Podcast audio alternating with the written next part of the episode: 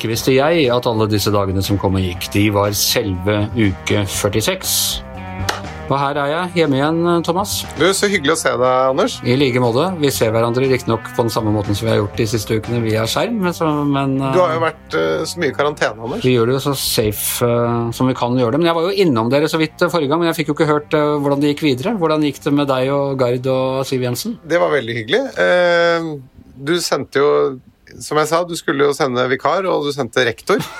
Så da håper jeg at jeg, jeg oppførte meg ordentlig. Ja, jeg snakka med rektor, og han mente at du hadde oppført deg så pent at uh, du er som en sånn klasse som neste gang kanskje ikke trenger vikar engang. Kan, uh, kan klare å styre det sjæl. Det, det, det, var veldig, det var veldig hyggelig at rektor sa det. Men du Anders, jeg må spørre deg, fordi da du var i USA nå, opplevde du at det ikke fremstår helt på samme måte som det ser ut gjennom mediene her, eh, eller? Altså, ja og nei. Eh, det er klart at du kan, Hvis du bor i et altså du bor i, i urbant nabolag i Brooklyn, så vil du ikke oppleve at det er noen steile fronter, for alle er, alle er enige der. Og samme hvis du bor i et sånt litt mer uh, redneck-miljø i Kentucky, så er også alle enige. Så du må på en måte oppsøke de, de konfliktområdene, og det er jo det vi journalister gjør. Altså Når vi skulle lage reportasje fra uh, Detroit, hvor det var bråk om stemmegivningen, så drar vi ned til det stemmekontoret. og Der sto det liksom 100 av den ene og 100 av den andre og ropte til hverandre. Men det var ikke veldig omfattende, og det preget definitivt ikke bybildet. At vi har vært gjennom det liksom mest opprivende eh, presidentvalget siden krigen det preger, Jeg kan ikke si at det preget gatebildet og USA. Det... Så, så, når du går rundt, eller gikk rundt på gaten og sånn, så, så, opplever du USA sånn som du kjenner det, og det er ikke noe annerledes, egentlig? Ja, altså Det som er annerledes, er at det er nesten folketomme gater nå, antagelig pga. Eh, covid, og det kan jo ha, ha, preget det. Altså Detroit, som er blitt veldig pussa opp siden jeg var der for ti år siden, og da hadde hele bilindustrien gått ad undas og før stimulipengene var brukt og sånn. Pusset opp og fint, og nesten folketomt. Og det er litt uh, creepy der nå, det må jeg si. Uh, hvor preget det er av, av pandemien. Men det er vel bare fordi de følger koronaregler, sånn, ja. som ikke, sånn, som ikke, alle gjør her hjemme. Ja, de, de, var ikke fullt så flinke til å følge dem i Texas. Jeg skal love deg, Det var ganske mye liv i, i Austin på halloween, men så har jo Texas også nå de høyeste smittetallene i, i USA. Nettopp. Og vi, vi har også hatt en bra bratt og fin kurve siste tiden. Jeg har skjønt det, men jeg må nok allikevel si at det å komme hjem nå, det, det føltes ganske trygt. Altså, jeg er jo veldig glad i USA og elsker å være der, men akkurat nå så var det litt sånn borte bra, men hjemme best. Jeg er jo optimistisk med tanke på at vi nå skal få ned den smittebølgen. Vi klarte det jo sist, så jeg tenker jo at det, det er jo sjanse for at vi kan få det til igjen. Vi må ikke prøve å ta på den kokeplaten. Nei, vi sier som Arne Øverland om oss nordmenn, vi overlever alt.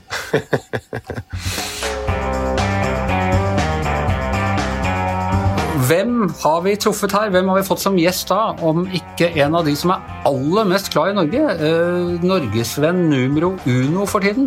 Harald Eia, fra, kjent fra NRK. Velkommen, Harald. Tusen hjertelig takk. Hvor er du, Harald?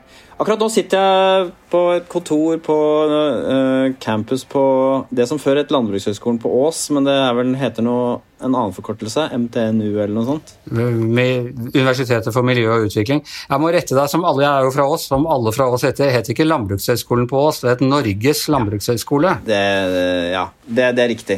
Er jo, men det er et veldig, veldig fint sted. Jeg det har vært å snakke for studentene om den nordiske modellen. Da. De, de, de det interessante med de som går her, mange av dem blir ingeniører og sånt, det er jo at eh, de er på en måte taperne i det norske systemet, fordi de tjener jo mindre enn sine amerikanske kollegaer, så vi snakka litt om det. Men du, bare kort før vi går inn på alt, alt det, er det ikke noe korona der, eller? Jo, det var Jeg sto aleine sammen med en tekniker i et rom, så jeg hoppet over det mellomleddet med at eh, de ikke var til stede, for jeg tok det for gitt at sånn er det ikke lenger noe sted i den tiden vi lever i. Ok, Så du kunne egentlig holdt det foredraget hjemmefra også? Ja, det kunne jeg i teorien, bortsett fra at det var litt mer staselig at jeg sto i den gamle festsalen, og at uh, det var en storskjerm og sånt, da, istedenfor at jeg kikka nedover uh, med hengetryne. Så må jeg også si at Ås i november det er kanskje noe av det vakreste landskapet vi har her i Norge. Så å kjøre da utover E6 ut i Ås da, det er en, en nasjonalromantisk opplevelse. Um, Eh, ja, Harald, vi alle skjønner nå hvorfor vi har deg. Du har gjennom, eh, gjennom, to sesonger eh, nå forklart oss hvordan Norge er. Sånn er Norge. Og nå har du også kommet med en bok hvor du knekker den nøtta enda tydeligere for oss. Hvordan vi har blitt sånn. Selve mysteriet Norge. Og det jeg egentlig lurer på først, det er hvordan Begynte du å interessere deg for dette spørsmålet? Delvis var det fordi eh, jeg hadde lagt merke til at um, vi skårte så godt på alle sånne internasjonale kåringer av hvor fornøyde folk er med livet sitt, og med, med sånn, indeks for, sånn FNs indeks for menneskelig utvikling, og vi er rike og velstående. Samtidig som det fantes en sånn uh, samtale blant intellektuelle og forfattere og, en del av aviskommentatorer også om at det er ikke så bra her i Norge. Vi har mye å lære av grekerne. Eh, folk er ikke så fornøyde, det er sutrete. Nei. Så det var noe som ikke stemte her. Det var det ene. Og det andre var det der at jeg skjønte etter hvert at uh, det, man, uh, man, egentlig ikke visste helt hvorfor vi har fått det til. Altså det, er det, som den amerikanske statsviteren Francis Fukuyama sa det, om en sånn verdensbankrapport som het 'Getting to Denmark'. Altså hvordan skal utviklingsland bli mer sånn som Danmark? Og så sier han da Danmark kunne like gjerne vært Norge, det er bare et sånt eh, velstående, liberalt demokrati. ikke sant? Og så sier han Francis Fukuyama men han har oppdaget at 'even the Danes don't know how it got to be Denmark'. Vi veit egentlig ikke hvordan vi fikk det til. Så det var disse, de to tingene. Misforholdet mellom eh, det vi har fått til og den offentlige samtalen, og det at vi faktisk ikke veit det. Hva har liksom vært den største, de største overraskelsene i prosjektet, tenker du? Ja, fordi jeg ikke har økonomibakgrunn, så har jeg egentlig ikke skjønt hvordan det norske arbeidslivet er organisert, og hvorfor det er så gunstig. Da. Hvorfor den norske nordiske kapitalismen funker så bra. Um, det har, det har vært den største, liksom, bratteste læringskurven uh, for meg. hvordan uh, Man har et sånt bilde av f.eks. norske fagforeninger som jeg har, Min forståelse av norske fagforeninger kommer egentlig fra Fredrikssons fabrikk. hvor da hun uh, Ann Mari Ottersen sitter og, på noen gamle symaskiner. Han stakkars sjefen på fabrikken han uh, vil så gjerne at det skal lages litt kjoler. Men nei, vi streikfagforeninga godtar ikke det og sånn. Jeg oppdaga jo seinere at uh, den fremstillinga av fagforeninga som en bremsekloss, det kommer av rett og slett denne serien er en britisk serie fra 60-tallet. Så han blir flytta til Norge og ble laga på 90-tallet på et tidspunkt hvor det ikke lenger fantes norsk tekstilindustri.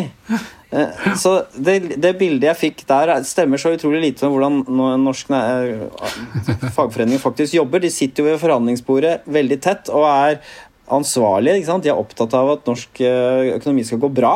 De er ikke sånn kapitalisme-sulliball som var i Fredrikssons fabrikk. Men litt artig at altså fordi Fredrikssons fabrikk var vel en ganske sånn stor seersuksess. Så det er litt artig at så mange ja. i Norge kjente seg igjen i noe de egentlig ikke hadde, hadde noe forhold til.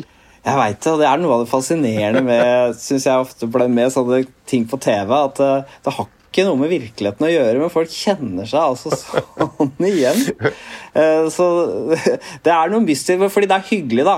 Det er trivelig, og det er, det er kanskje nettopp derfor. Man må si til Fredrikssons Fabrikks øh, øh, forsvar at om man ikke kjente seg igjen i akkurat i det, den typen lønnsforhandlinger, så er det alltid en sånn litt kranglevoren fagforeningsgreie, og så er det alltid en eldre arbeider som syns synd på ledelsen. Det er, jo, det er jo situasjonsting å kjenne seg igjen i. Ja, men er, når du ser det med, med, moderne briller, så ser du hvor reaksjonær den serien egentlig er, fordi han er så søt, han derre kapitalisten. men, eh, men, det var læringskurven din. Livet er ikke som det var på Fleksnes eller Fredrikssons fabrikk. Men hva var den største overraskelsen, eh, tenker du, i forhold til altså, hva du ikke hadde trodd var sånn? Altså, det var flere overraskelser. En av de var det der at uh, um, det er merkelig sånn derre kognitive uh, Eh, det gikk ikke opp, opp, psykologisk. For på ene siden så mener folk at de, deres egne liv er så innmari gode. Hvis du spør er du fornøyd med livet ditt og samfunnet, er kjempefornøyd. Spør du andre folk i, i Norge, hva tenker du? Er mange som sliter. Eh, og det, det, er Mange har det veldig tøft, og det er ikke lett å være fattig i verdens rikeste land.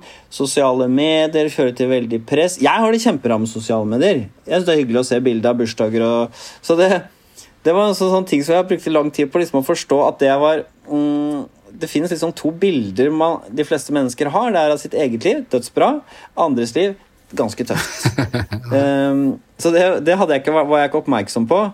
Uh, og så uh, var det veldig interessant, syns jeg, å snakke snakke med vanlige mennesker, for det er en del av forarbeidet. ikke sant? Hvilke ideer har man om hvorfor uh, vi har fått det så bra til? Og da er det uh, De fleste i Norge har ikke peiling på hvorfor vi har blitt så rike, f.eks. Uh, da fikk jeg så mye rare svar. Det var sånn type at um, vi har uh, arvet, var et veldig vanlig svar. Okay. Vi har blitt rike for vi har arvet, mens de har ikke arvet i andre land i samme grad. Nei, det har nok ikke arvet så mye der, da. Uh, Men ser ikke var, folk flest oljen? jo, det? det? var også inne, inne i bildet. Men når jeg sa sånn, hva med Sverige og Finland? Jo, ikke sant? Det er noe av det samme der. Det er jo Og så var det mye sånn Det er kaldt her, så vi sparer. Vi sparer mye. uh, mens, så vi begynte å spare på en eller annen måte i moderne tid. da Vi sparte ikke før, selv om det var kaldt Fordi før, vi da ikke er ute og bruker penger fordi det er så kaldt, eller? Ja, noe, ja, noe sånt. Nøysomme. Og så er selvfølgelig protestantisme en sånn forklaring, da. Uh, som også går igjen uh, Som ikke er så dum, da. Men, så det var Så når jeg gikk inn i og snakket med et fagfolk, de som på en måte både sitter og styrer Norge, og de som forsker på Norge, så er, legger jo de vekt på helt andre ting. Så da, uh, da er det ikke kultur for eksempel, som blir noe viktig lenger, at det finnes en norsk mentalitet, men da er det mye mer fokus på ordningene.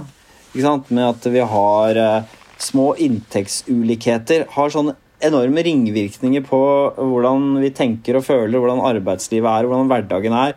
Velferdsstaten vår preger oss på sånne psykologiske måter vi ikke engang tenker på. Så jeg har snudd opp ned fra å tenke at kultur er det viktige, til å tenke at det er ordningene våre. Og at hvis vi oppløser de ordningene i dag, hvis vi slutta med velferdsstat, slutta med velorganisert arbeidsliv, så ville vi i løpet av liksom par, par år bli mer som eh, USA eh, og, eller eh, Sør-Europa kjempefort. Da. Så du, du tenker at den, den kulturelle delen ikke er noe sterk. Det er, ikke, det, er noe, det er, ikke, noe, som holder det fast egentlig i det hele tatt. da. Nei, Det, det, tenker jeg er veldig veldig svakt. Det er jo, folk i Norge snakker ofte at vi har en sånn likhetskultur som sitter veldig dypt i oss fordi vi er etterkommere av selveiende bønder og sånn. Men hvis du ser på Norge eh, før andre verdenskrig, så var det mye større forskjeller mellom de som tjente minst og tjente mest i Norge, enn i USA. Det var derfor mange ville dra til USA, fordi da kunne du som ufaglært tjene mye bedre. ikke sant?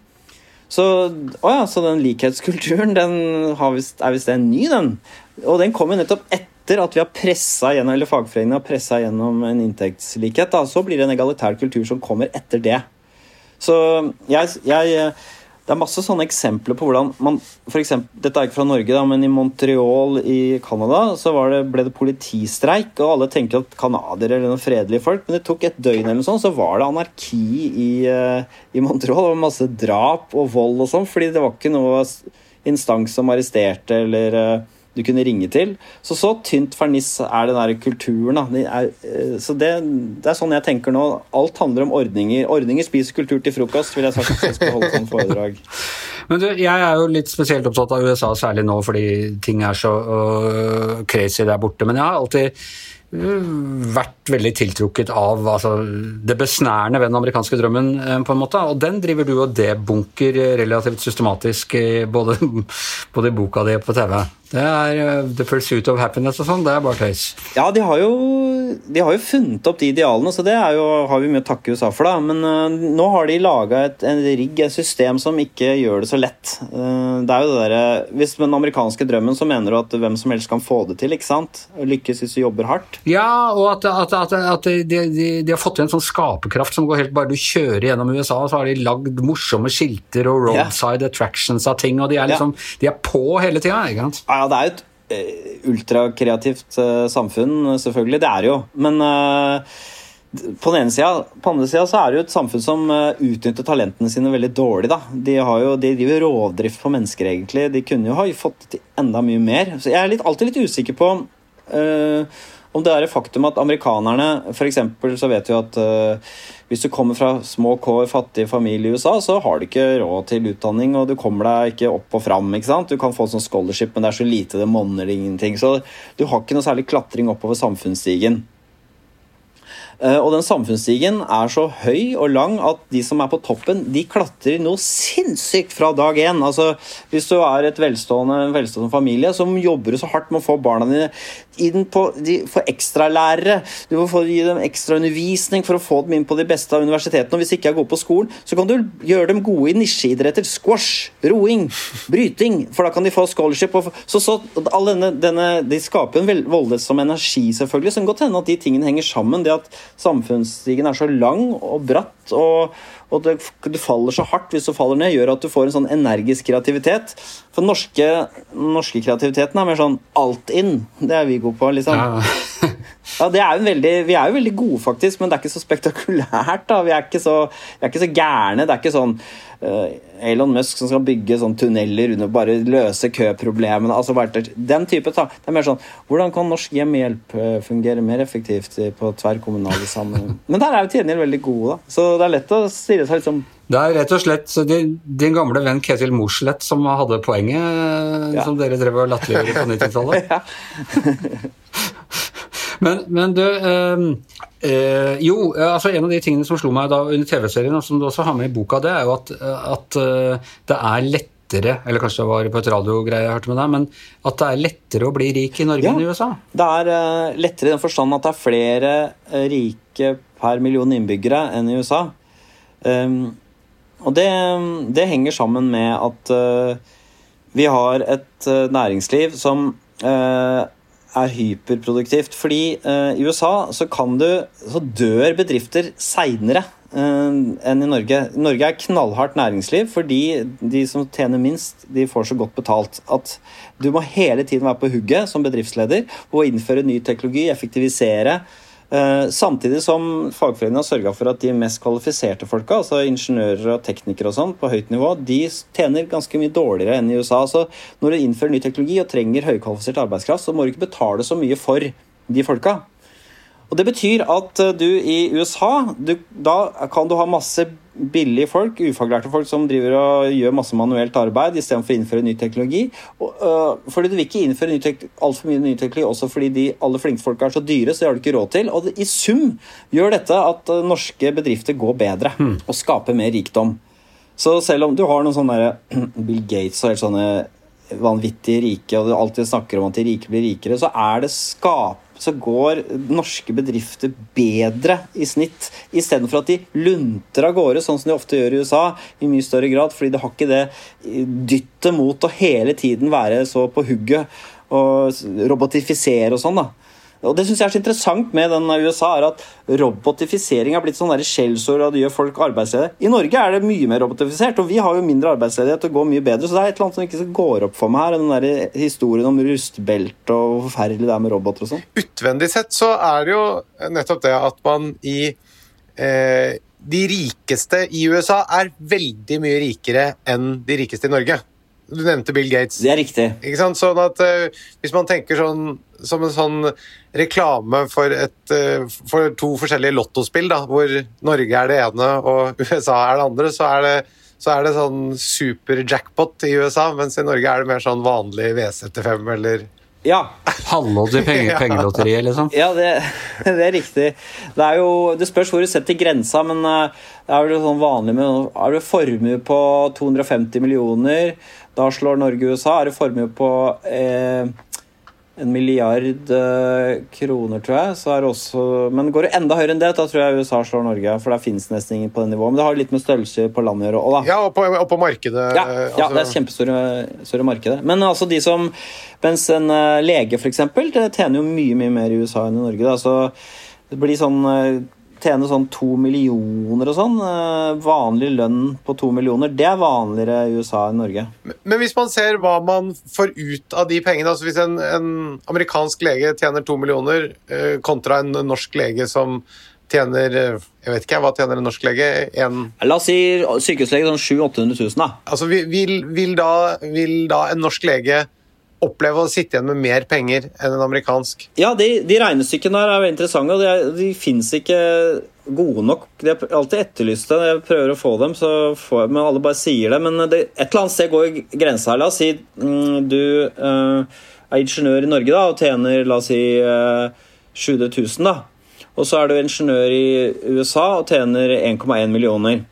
Da vil jeg tippe at den norske ingeniøren kanskje så vidt går i pluss.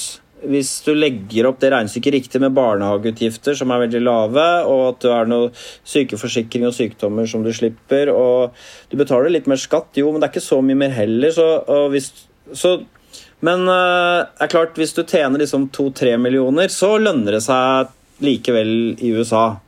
Um, men det som, du, som, også er en del i regnestykket for det er mange som, Jeg har en sånn YouTube-kanal hvor jeg har lagt ut sånne klipp og sånn. Der er mange som spør hvorfor er det ikke mer brain drain i Norge. Hvorfor flytter ikke flinke folk til USA når de tjener mye mer?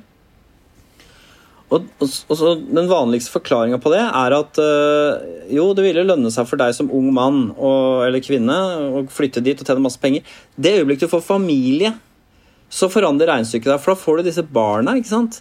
Det er mer stressende der borte. Du, de er ikke sikkert de er like flinke som deg. og Hvordan kommer det til å gå med den enorm bekymring som plutselig kommer over deg? Mens i Norge, hvis du får en, eh, en sønn eller datter som ikke er noe flink på skolen, det er litt leit, men kommer til å få et bra liv likevel. Nettopp, så det, det, så det den, nettopp den kampen som er for barna, er mye av det som gjør at folk ikke flytter ut? Dette, dette er ikke helt sånn statistikk på, altså, men det, det man ser tendenser til at man måtte flytte hjem. ikke sant?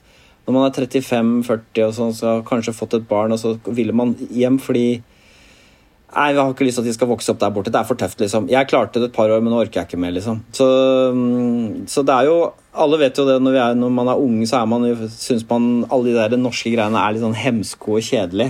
Eh, men så blir regnestykket litt annerledes når du kommer hjem. Så det, det kommer i tillegg til alle de utgiftene vi slipper fordi eh, å ha privat forsikring vil alltid være dyrere enn en sånn statlig forsikring. For et privat selskap eh, har ikke så mye likviditet. Du kan ikke ta sånne om må også drive og uh, må beregne mer fortjeneste enn et statlig, så vil derfor bli dyrere. Dette er sånn økonomisk regnskap jeg ikke kan helt, men som jeg har forstått at uh, sånn Grete Brochmann og sånn har regna på. da.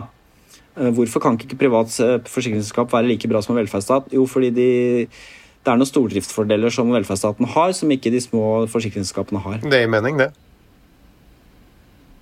Du, jeg må spørre om, Nå føler jeg blir min litt rolle først å forsvare Fredrikssons Fabrikks uh, realitetssans, og, og, dernest USA. Altså, fordi Noe som også kom fram i, i boka di, det er at det er noen ting USA faktisk er litt bedre på. Eh, blant annet sjenerøsitet. Altså, amerikanerne er mer sjenerøse enn nordmenn. Og også ja.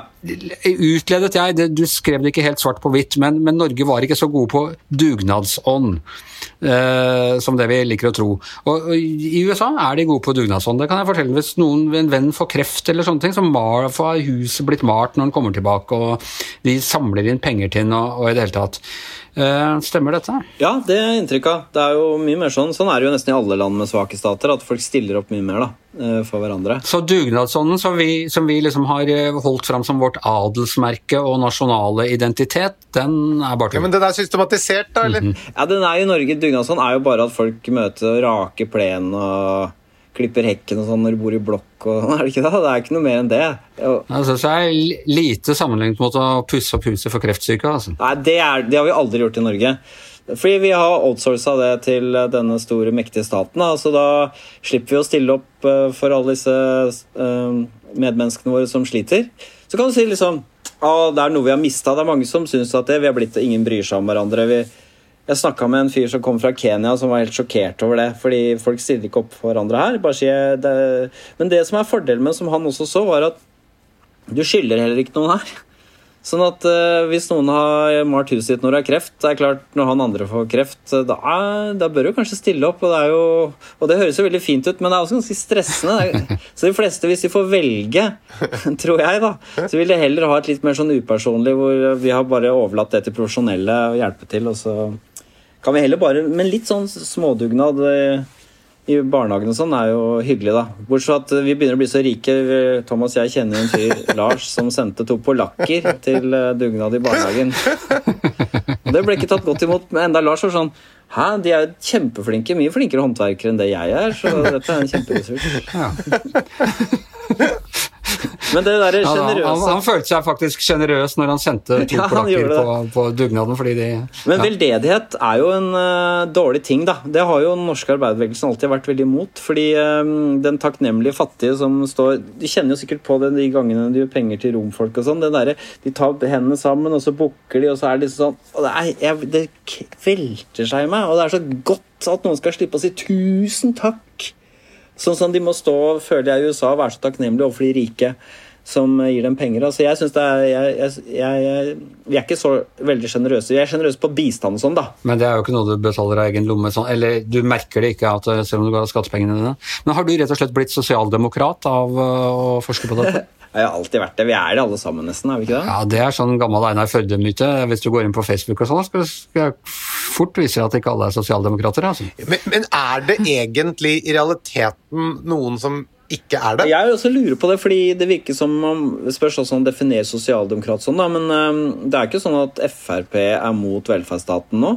Er det det? Jeg har ikke noe inntrykk det, av det. det hadde jeg egentlig tenkt å spørre deg på. Altså Truslene, for, for det føler jeg veldig mange sier nå, at ja, vi kan være enige om at dette er fint og måten vi har organisert samfunnet på og sånn, men det trues av alt fra ø, innvandring til vindkraft til EU til globalisme. Eh, hvordan ser du på, på de truslene? Altså, Jeg, jeg må jo bare lene meg på sånn Grete Brochmann og de andre som jeg øh, har snakka med. da. Og det ofte nyttig å snakke med folk, det vet du, Thomas. fordi skal du lese det de skriver, så er det så mye forbehold. Når du snakker med dem, så kommer det litt mer rene ord for penga. Og med innvandring har jeg fått et annet syn på, egentlig. Fordi jeg, jeg trodde det handlet uh, veldig mye om at uh, holdningene våre, om vi var liksom fremmedfrykt og islamofobi, og at det var de sentrale tingene. Men, men sånn for Grete Brochmann og sånn, så er jo det sentrale er jo at vi har et sjenerøst opplegg, og det betyr at vi er litt mer sårbare for å få inn folk som ikke jobber og betaler skatt, enn man er i et land som Italia, hvor man aksepterer at det fins Eller USA? ja, hvor det bor fattige folk omtrent i telt. ikke sant? Eh, Flyktninger og sånn langs toglinjene i Italia. Det er litt sånn, sånn er livet. Du kom hit. Det er ikke vårt ansvar. Og det, og det, er liksom, det gjør at vi ikke kan ta imot så mange, for da, da, da knekker eh, systemet vårt. Og så er det mer sånn derre Det med holdninger til innvandring og sånn, eh, det er litt mer sekundært. Det kommer, hvis, hvis folk ser at det kommer fra andre land som Ok, så får ikke de jobb, men ikke barna deres heller. Da begynner det å bli fare på ferde, for da får du både en sånn følelse at de er kulturelt annerledes, og at de ikke bidrar. Men det som ser ut til å funke så bra i Norge så langt, er at sånn som vi ser med etterkommere av pakistanske innvandrere, gjør det kjempebra. Mye bedre enn etterkommere etter innvandrere i andre land. Så vårt system liksom får dem inn i, i dansen, da, og det er vi helt avhengig av. Så, så ja, vi tåler eh, Vi tåler kanskje innvandring litt dårligere, men holder vi det på rette, liksom, sånn fornuftige nivået, og, og så får vi det bedre til den andre. Så det er det som er så spennende og interessant, syns jeg. Eh, så innvandring kan true, men ikke så lenge vi kontrollerer det. Um, og så er det det der med globalisering, at um, EØS-avtale gjør at vi får inn billig arbeidskraft som skviser ut uh, de som kanskje er minst ettertrakta på arbeidsmarkedet. sånn. Det syns jeg er litt sånn uh, skummelt, kanskje. Så jeg så, Jeg har blitt dytta både til venstre og høyre, egentlig, av dette prosjektet. EØS-avtalen har plutselig blitt litt sånn skummel for meg. uh, selv om jeg vet at den er veldig nyttig, og alt det der. Men jeg kan egentlig ikke helt nok om det om å ha en kvalifisert mening om det. altså. Trenger vi egentlig handel med utlandet? Ja, det må vi jo ha, ikke sant? Men eh, så, så det, når vi snakker med, det, med de som på en måte sitter på rattet, og ikke de som sitter i sidesetet i bilen og, og babler i vei om hva som er farlig Eller baksetet. For der er alt mulig rart. Ja, bakse- det er sosiale medier, og det er liksom det ene med det andre. Men når du snakker med de som sitter på rattet, da, som ofte ikke babler så mye, så er det det at eh, de er redd for at eh, det detter så mange ut av arbeidslivet, som blir skvisa ut fordi det, eh, det er litt sånn tøft på bunnen der.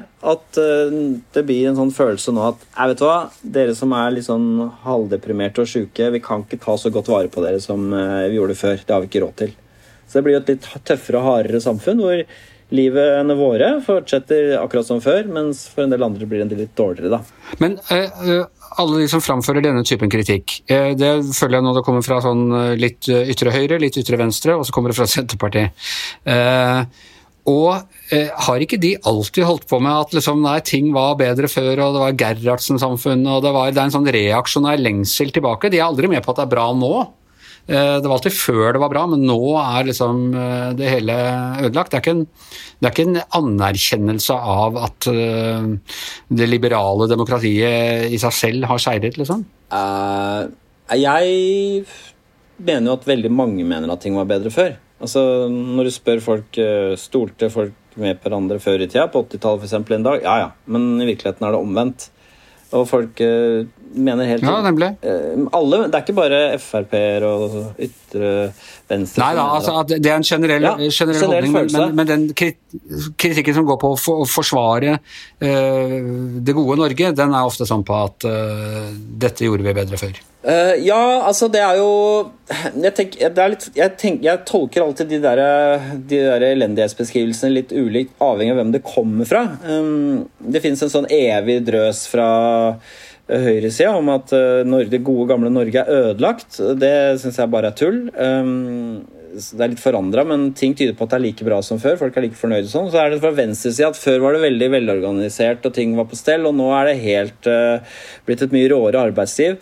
Er litt nederst, men ikke så veldig, liksom. Um, men så er det Senterpartiet, syns jeg er mer interessant, fordi det som er bra med det norske systemet, det er jo at um, det er en balanse mellom sånne høyt utdanna urbane folk som er opptatt av miljø og Uh, at kjønn er en konstruksjon og den type ting. da, uh, Antirasisme. Uh, og folk på, på, landsbygda med lavere utdanning som er mer opptatt av at ting skal være trygt, og at vi skal bevare arbeidsplasser og lokalsykehus og sånn. Hvis den balansen skyves for mye i vår favør, så er ikke det bra for et samfunn, tenker jeg. Så Eh, jeg pitcha inn en serie til NRK som handlet om meg, sin komiserie hvor jeg var en sånn kynisk uh, upolitisk, eller politisk ukorrekt kødd. Og så sa de nei, dette vil ikke folk på landet i Norge like. Og først ble jeg rasende, og så tenkte jeg det er helt riktig, og det er vår styrke. Det er at vi tar hensyn til okay. Til, jeg, Fordi du var en, en slem elitist? Ja, det var ikke noe hyggelig og koselig og varmt. Det var bare, jeg var bare en kødd, liksom. Og så Jeg så det plutselig med deres øyne, med Senterpartiets øyne. De ville ikke betale lisenspenger for dette her. Hvorfor skal den urbane kødden få lov til å vrenge ut alle Så jeg tenker at den historien om at, ting, at sånne som oss holder på å få et slags sånn overtak, den forfallshistorien kjøper jeg litt.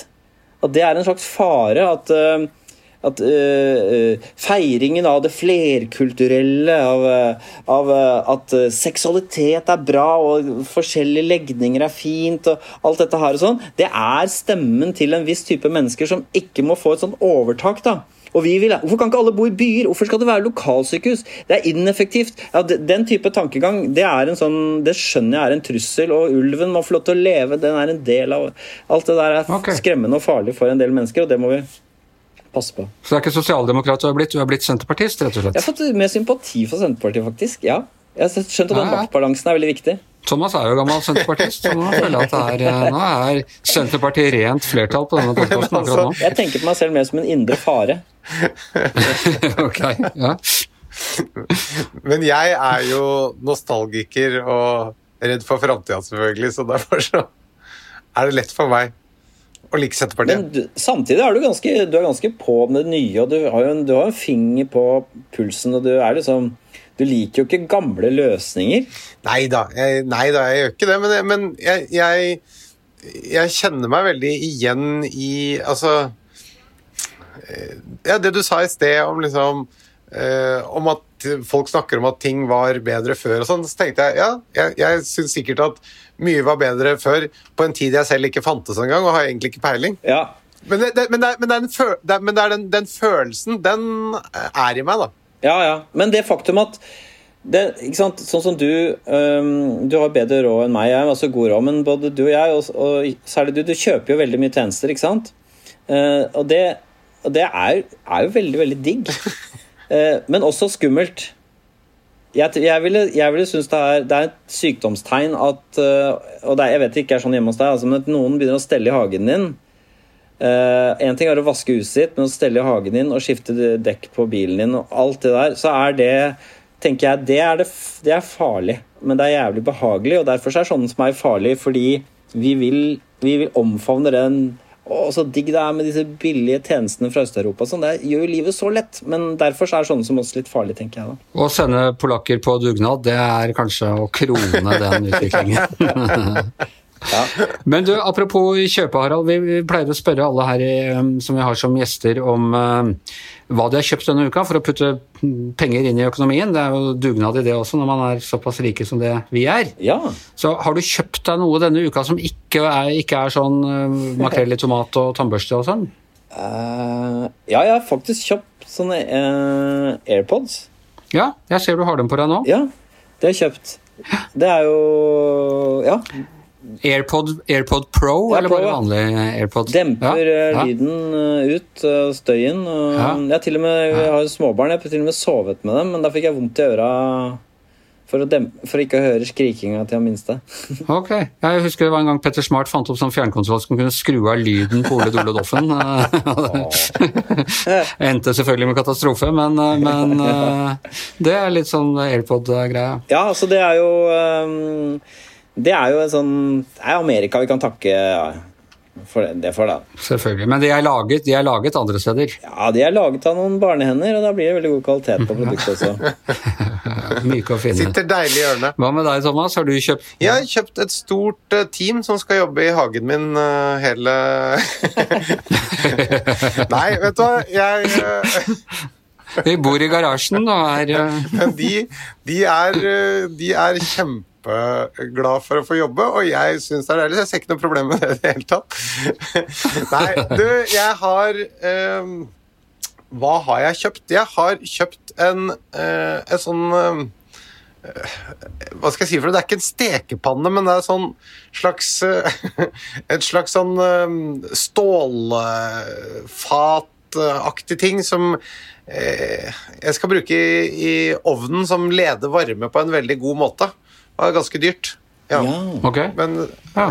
ja. men jeg skal bruke det i matlaging. ja. Det høres ut som en god investering. Du har kjøpt et produkt som uh på en måte bygget en bro mellom fat og Det stekepanne. er, helt, du- det er faktisk helt riktig. Det ligger midt imellom. Det er, det har da, det er, det er laget av stål, så har det to håndtak eh, på hver side, som er eh, det fatelementet. Men så kan du faktisk også sette det på stekeplaten og bruke det som en stekepanne. Ja. Stekepannefat. Så det er helt riktig. Det, er, det ligger midt imellom der. Men en, egentlig ikke noe nytt og moderne, men en litt sånn nostalgisk fransk brasseristil eh, på det. Så det er ikke, det er ikke framtida, det er fortida jeg har kjøpt. Anders, hva har du kjøpt? Ja, jeg har jo jeg har vært i USA så jeg måtte ha med gaver hjem, så det er vel egentlig det jeg har kjøpt. Men uh, jeg kjøpte en Wu-Tang Clan-T-skjorte til sønnen min på 15, for det er hans favorittband. Og så har jeg kjøpt noen kremer til kona. ja, hva slags kremer, da? Eight Hour Cream. Eh, Den som man ikke vet ja. det, du kjenner, du kjenner ja, ja, den, den har jo eh, noe, eh, noen sånn ingredienser som man ikke får vite om. Å ja, ok. Er ja, ikke, sånn- den, sånn, den har sånn magisk effekt hvis du tar den på lepper og sånn. Ok, ja, ja nei, det var noe lipp, sånn leppegreier og, og sånne ting. Ja. Ja, vi øker den, men gjør leppene rødere og større, eller skrumper dem inn? eller Hva gjør de? Skrumper dem. Den snurper dem sammen til sånn nebb. Det gjør at du får litt sånne rynker over rundt munnen, vet du, så Røykerynkene. Åh, ja, ja. uten å måtte røyke. Det er deilig. Det er kult. Du, Harald, helt til slutt. Vi hadde lyst til, fordi eh, både Thomas og jeg ble ganske rørt av den slutten du hadde på, på TV-serien din, men appell, eh, si litt out of character eh, for deg, som vi har kjent deg. Kan du høre litt om han her? Jeg har altså så mye å takke dette samfunnet for. Jeg har fått gå på skole så lenge jeg ville uten at noen blandet seg opp i hva jeg holdt på med. Jeg har fått jobbe med morsomme ting, jeg har tjent bra med penger. Enda viktigere. Jeg har to foreldre som er blitt syke og blitt tatt vare på. Jeg har en søster som har vært uføretrygda nesten hele livet, men som har klart seg likevel.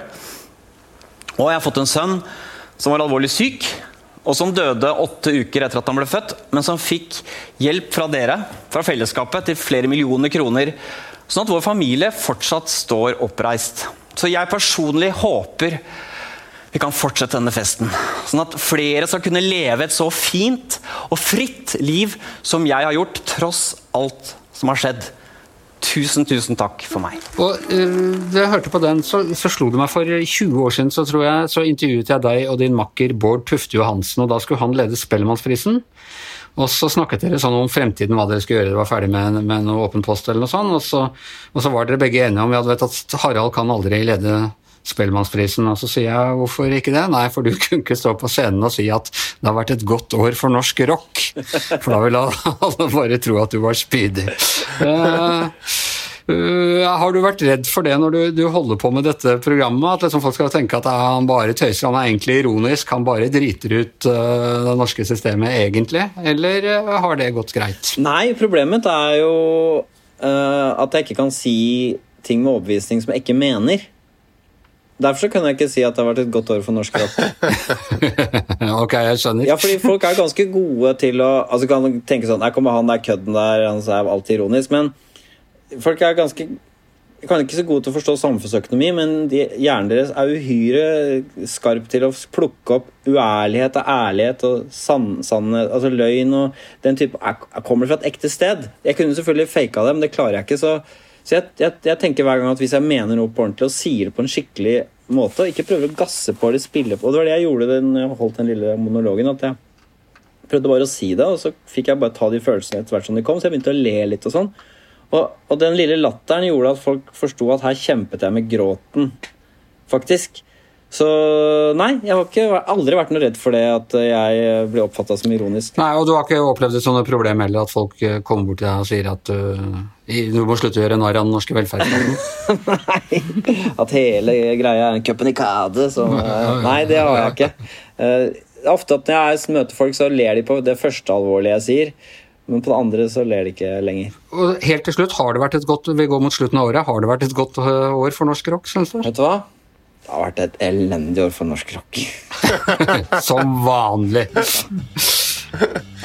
Ok, og med det så er uh, Giæver og Gjertsen slutt for denne gangen. Vi har sittet i hvert vårt hjemmestudio, Thomas og jeg, for jeg er i karantene. Og Harald er på Høgskolen på Ås, et av de vakreste universitetsområder i uh, landet. Uh, og hjemme hos seg selv sitter vår egen fylkespodkastmann. Eh, Magne Antonsen og lapper det hele sammen. Vi høres igjen neste uke.